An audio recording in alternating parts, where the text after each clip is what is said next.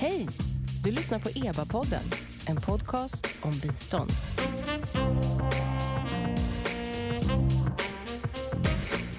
Välkomna till EBA-podden. Jag heter Noomi Östlund och den här podcasten ges som vanligt ut av Expertgruppen för biståndsanalys, EBA.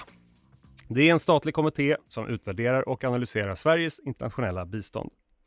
När den här podden spelas in handlar rubrikerna om krig i Ukraina med efterföljande effekter på mattillgång i bland annat Afrika, ekonomisk kris och skenande inflation. Det är nästan så att man riskerar att glömma bort att vi precis har genomgått en historisk global pandemi. Men det har vi.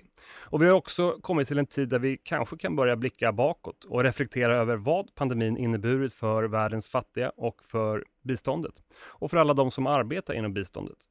EBA har också nyligen publicerat en rapport som studerar hur det svenska biståndet och Sida agerade under pandemin.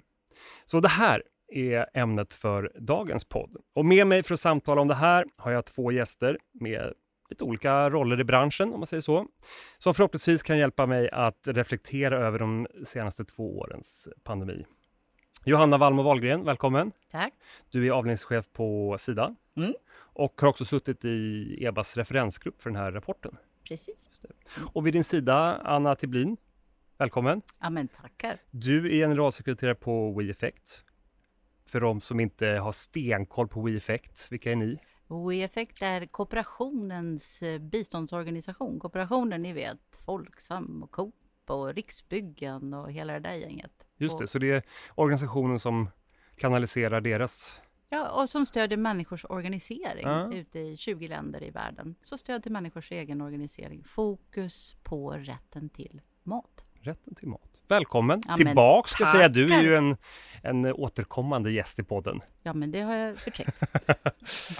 Ja, eh, för ungefär två år sedan, precis i covid-pandemins första månad, så publicerade vi på EVA ett poddavsnitt där vi pratade om hur pandemin skulle kunna tänkas påverka de fattiga i världen och vad det svenska biståndet kunde göra för att svara upp mot, mot eh, covidkrisen. Gästernas stora farhåga då var att det inte egentligen var pandemins omedelbara hälsoeffekter som var den stora risken, utan snarare vad det skulle innebära för fattiga människors livsvillkor och eh, att länderna skulle stängas ner. Och eh, vad säger ni, det är väl ungefär det som hände. Vad, vad har vi sett om världens utveckling? Ja, nej, men om man tittar övergripande så var det ju faktiskt så att före covid-pandemin så hade vi tre decennier en väldigt positiv utveckling med fattigdomsminskning i världen och den här trenden är ju nu bruten och vi ser att fattigdomen ökar igen. Det stämmer att det var en hälsokris, men det var också så mycket mer. Och i en kris som covid så påverkar ju fattiga människor eh, väldigt mycket. Man har sämre tillgång till hälso och sjukvård, eh, man har sämre möjlighet till distansering eh, och eh, handhygien och det som var eh, viktigt under covid-pandemin. Eh, I och med att man bor, man bor tätare och, och har sämre möjlighet till vatten och sanitet. Och sen hela nedstängningen av samhället är ju det som faktiskt också har påverkat. Eh, skolor stängs ner, marknader stängs ner. Så utbildning, försörjningsmöjligheter, det som faktiskt också är vägen ut ur fattigdom, eh, stängs ju då ner. Så att visst har det påverkat fattiga och eh, som sagt fattigdomen ökar i världen och det, det är en tråkig utveckling. Ja, och precis, och precis som du säger, så tre decennier av positiv utveckling, utom när det gäller just hunger, för det hade ju ökat under ett antal år, även innan pandemin. Och det fick ju en rejäl skjuts, så att vi står ju idag inför den värsta hungerkatastrofen sedan andra världskriget. Men de människor vi stödjer, det är ju småskaliga bönder som är organiserade i producentföreningar eller i kooperativ, hade inte längre möjligheter att komma till marknader, sälja sina produkter och fick ju då, det blev ju så att säga eh, hunger till följd av det. Dels kunde man inte få inkomster och dels så hade man inte tillgång till mat. Otroligt deprimerande när man hör det här och, och i, i den tidigare podden, man får verkligen ge en eloge till, till de som var med. Det var två av dina kollegor, Johanna från Sida och så en, en forskare från universitetet. De sa precis det här var det en farhåga som de målade upp. Och den andra saken som de också lyfte var ju vad kommer hända med, med ett framtida vaccin? Då var det ju, fanns Mm. det inte ett vaccin, då hade man precis börjat. Eh, världen lyckades på rekordtid ta fram ett vaccin, men de sa, ja, men kommer de fattiga få ta del av det? Och där är ju svaret också tyvärr inte på, på samma villkor som eh, världens rika länder helt enkelt. kan man inte säga det att eh, till följd av eh, pandemin som för övrigt, som ju inte är över. Vi har ju nu eh, liksom ökande fall i Latinamerika, både bland partners och vår egen personal.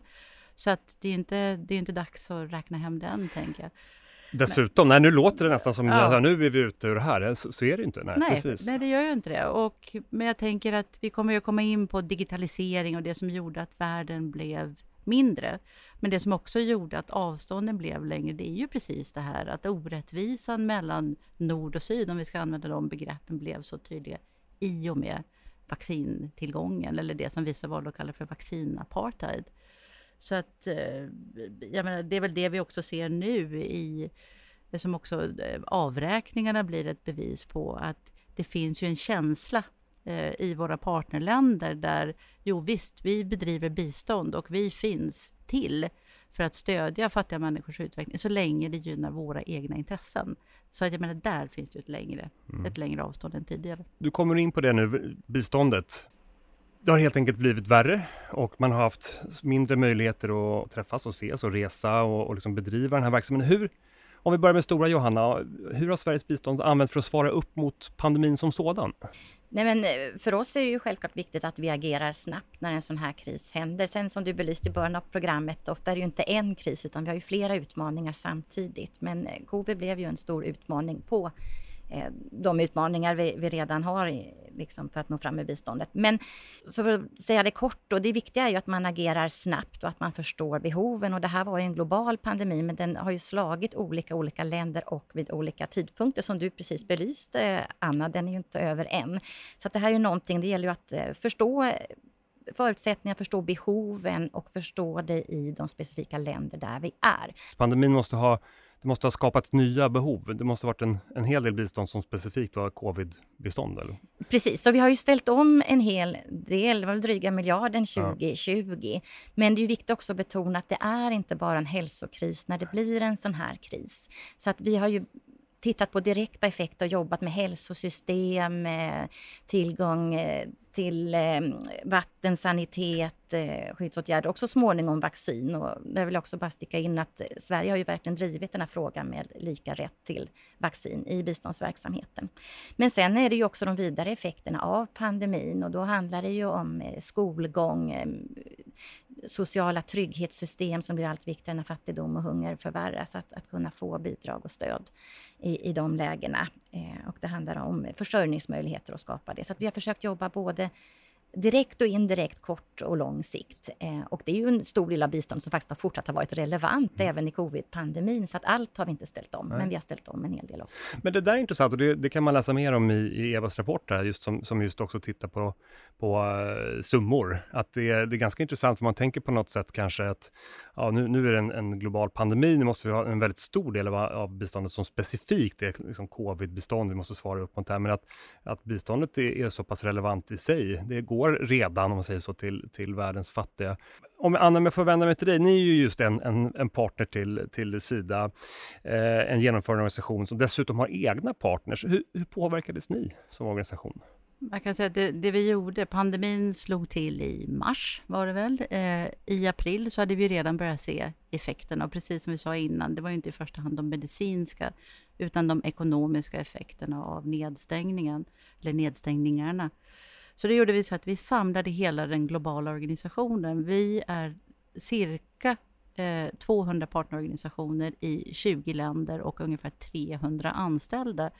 Vi samlade alla och tog fram en interimstrategi där vi sa vi måste lägga alla resurser på bordet. Hur är vi mest relevanta i den här situationen och vad behöver våra partners? Vi tog fram en, den här strategin i rekordfart under två månader där alla var inkluderade. Det har aldrig hänt tidigare att vi har haft en sån inkluderande process. Och då fick vi också svar på vad är det vi kan göra i det här specifika fallet för att minska hunger i Guatemala eller i Zimbabwe eller vad det nu var. Och då blev det det som blev styrande för verksamheten.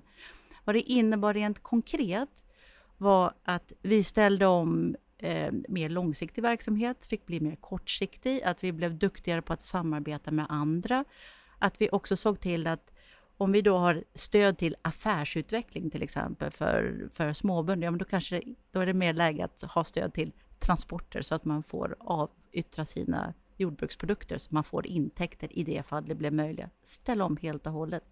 I den här processen så vill jag också bara ge en jättestor eloge till Sida och då särskilt Sida Sivsam som reglerar stödet till civilsamhället som otroligt professionella, otroligt kunniga och som också hade stor förståelse för de utmaningar vi stod inför. För andra givare, EU inte minst, eh, jag tror att det var EU i Sri Lanka, sa ju att jaha, ni kan inte genomföra aktiviteter, det är inte vårt problem att samhället är nedstängt, vi vill ha tillbaka pengarna. Det, det är skillnad istället för att göra någonting annat exakt, fortsatt relevant. Exakt, exakt. Och det måste vara, spännande bara för att förstå verksamheten, för jag tänker att man, om man eh, lyssnar på vad WeEffect strävar efter att göra, det måste vara väldigt, i alla fall tidigare, väldigt fokuserat på personliga möten. E-, extremt, jag menar bistånd bygger ju på möten och det som hände nu var att det blev möten fast på ett annat sätt. Om vi tar digitalisering, vi vet vad det innebar i Sverige med alla dessa Teams och Zoom-möten. Ja, men hur gör man då det om jag kan använda uttrycket, längst ut i kedjan. Människor som lever i fattigdom sitter inte med en dator och en Teams-uppkoppling, men de allra flesta har faktiskt tillgång till en telefon, även av enklare modell. Och har man det inte själv så är det någon som har det. Man kan jobba via telefoner. Både våra partners och vår eh, personal säger nu när vi har utvärderat insatserna att vi kom varandra närmare under pandemin. Därför att vi väntade inte in de där årsmötena som var varje halvår eller vad det nu kan vara för någonting, utan vi hade en regelbunden dialog. Det är ju väldigt spännande alltså, att försöka förstå hur man fortsatt kan vara relevant just när, när förutsättningarna förändras helt och hållet. Nu, Johanna, får du sidan en varm eloge här, det är härligt.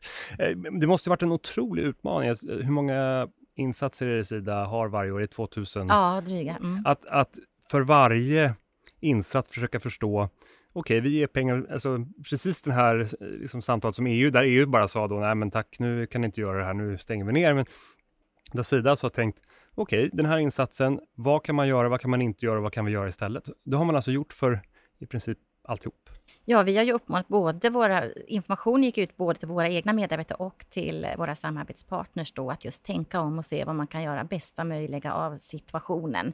Eh, och sen som Anna också nämnde här, så det har ju varit mer digital kontakt, man har inte kunnat träffas, men det har också funnits fördelar med det. Man har haft eh, tätare och kortare avstämningar, man har kunnat samla fler personer i ett och samma möte, genomföra aktiviteter eh, på lite andra sätt. Så det har också fört med sig en hel del fördelar där. Och eh, jag tycker vi har blivit stärkta på ett sätt av den här krisen och visat att vi har kunnat ställa om eh, med kort varsel. Eh, och det finns lite olika anledningar till att vi har kunnat göra det. Dels är det ju regeringens styrning av biståndet som ändå har visat sig vara tillräckligt bred för att vi ska kunna ställa om i en sån här kris.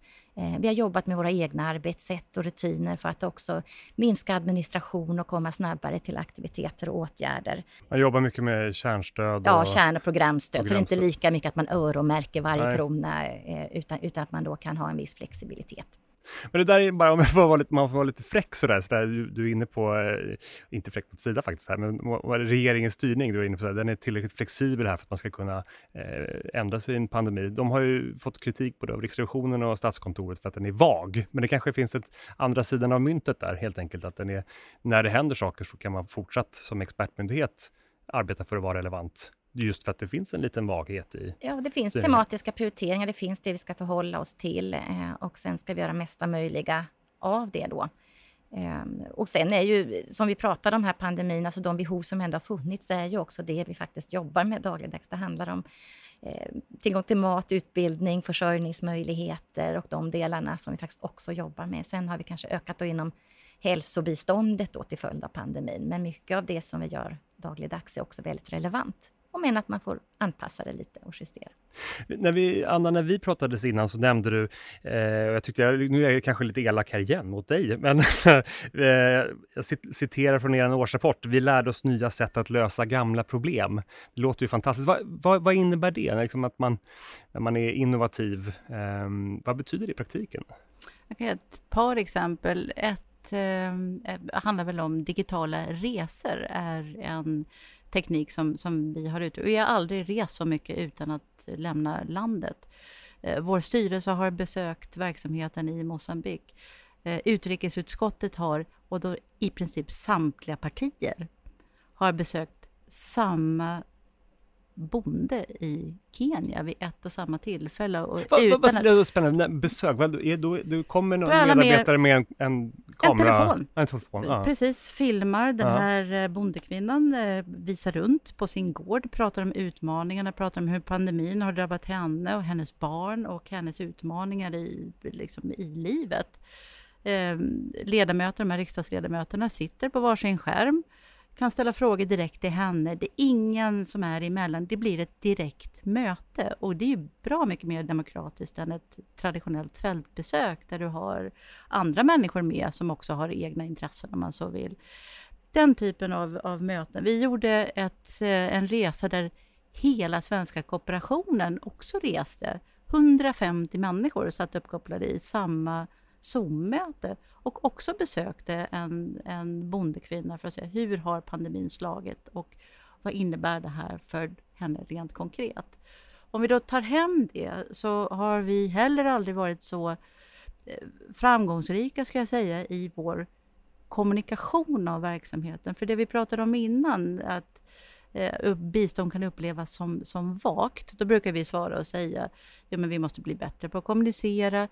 Och då kan vi ibland hamna i, i fördummande marknadsföringsbudskap.